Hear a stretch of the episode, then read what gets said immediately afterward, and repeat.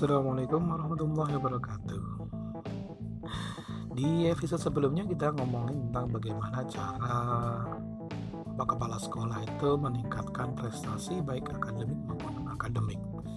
Nah di episode ini kita ngomongin tentang masalah yang juga luar biasa dianggap sebagai sebuah terobosan yaitu pengadaan mobil antar jemput. suatu hal yang luar biasa dilakukan pada saat itu ya tahun 1997 ya. Jadi sebenarnya sih dasar pemikiran mobil antar jemput ini adalah untuk menjemput anak-anak yang uh, jauh dari sekolah. Karena ternyata banyak juga orang tua dari luar kecamatan yang menyekolahkan di sekolah ini karena prestasinya sudah mulai meningkat. Jadi gitu. Nah mobil antar jemput ini bagaimana pengadaannya ya? Saya masih ingat itu waktu itu mobilnya dipinjemin dari pengurus di beberapa pengurus yang alhamdulillah punya rezeki cukup berlimpah begitu membeli satu mobil apa waktu itu ya kijang kota kijang kota untuk uh, armada antar jemput kalau nggak salah sih terkumpul sekitar 5 5 mobil gitu. 5 mobil ini melayani uh, rute yang berlainan. Ya, meskipun ada satu rute yang agak jauh kemudian jadi satu mobil ini kalau berangkat anak-anak jadi pagi sekali yang dapat jatah pertama yang dapat jatah terakhir dijemput ini agak siangan.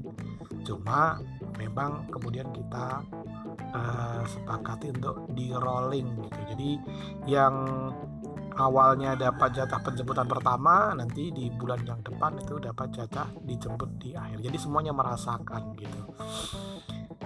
Pada waktu itu sih ya bisa dibilang kendalanya nggak begitu berarti. Ya cuma masalah penghitungan bahan bakar kemudian ada rute yang uh, mobilnya penuh tapi ada juga yang nggak begitu penuh. Ini jadi satu kendala tapi alhamdulillah bisa diselesaikan.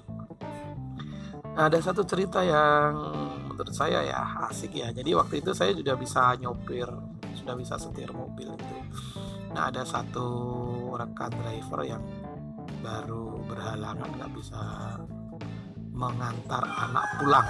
Nah akhirnya saya yang ditugasi oleh bapak kepala sekolah untuk mengantar anak-anak pulang. Jaraknya cukup jauh dan jalannya ada yang belum aspal gitu masih di apa ya masih batu-batu gitu. Nah waktu itu diberi apa ya pesen sama pengurus. Pokoknya ya kalau anak yang ini jangan diantar sampai rumah karena dari jalan utama menuju rumahnya itu wah luar biasa. Masih jalannya nggak rata dan jelek gitu. Tapi waktu itu waktu saya nganter itu ternyata hujan deras. Mau saya tinggal di, di jalan utama saya nggak tega akhirnya saya uh, antar sampai rumah. Dan betul lah apa ada semacam trouble di setirnya waktu pulang. Istilahnya sepeleng gitu. Diputar setirnya tapi nggak mau nggak mau belok. Nah, tapi nggak apa-apa sih itu juga suatu romantisme belaka. Nah, dari situlah kemudian berkembang semakin banyak anak yang masuk SD, kemudian semakin banyak pula jalur yang harus dilalui.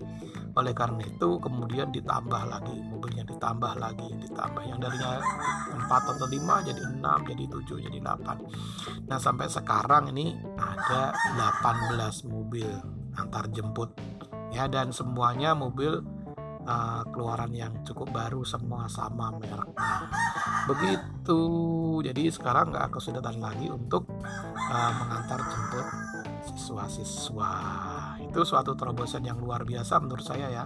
Dan sekarang ternyata banyak juga sekolah yang mengikuti mengadakan antar jemput kita sih nggak apa-apa karena itu berarti uh, apa yang kita lakukan ini menginspirasi sekolah lain untuk sama-sama lah memajukan uh, bangsa lewat jalur pendidikan.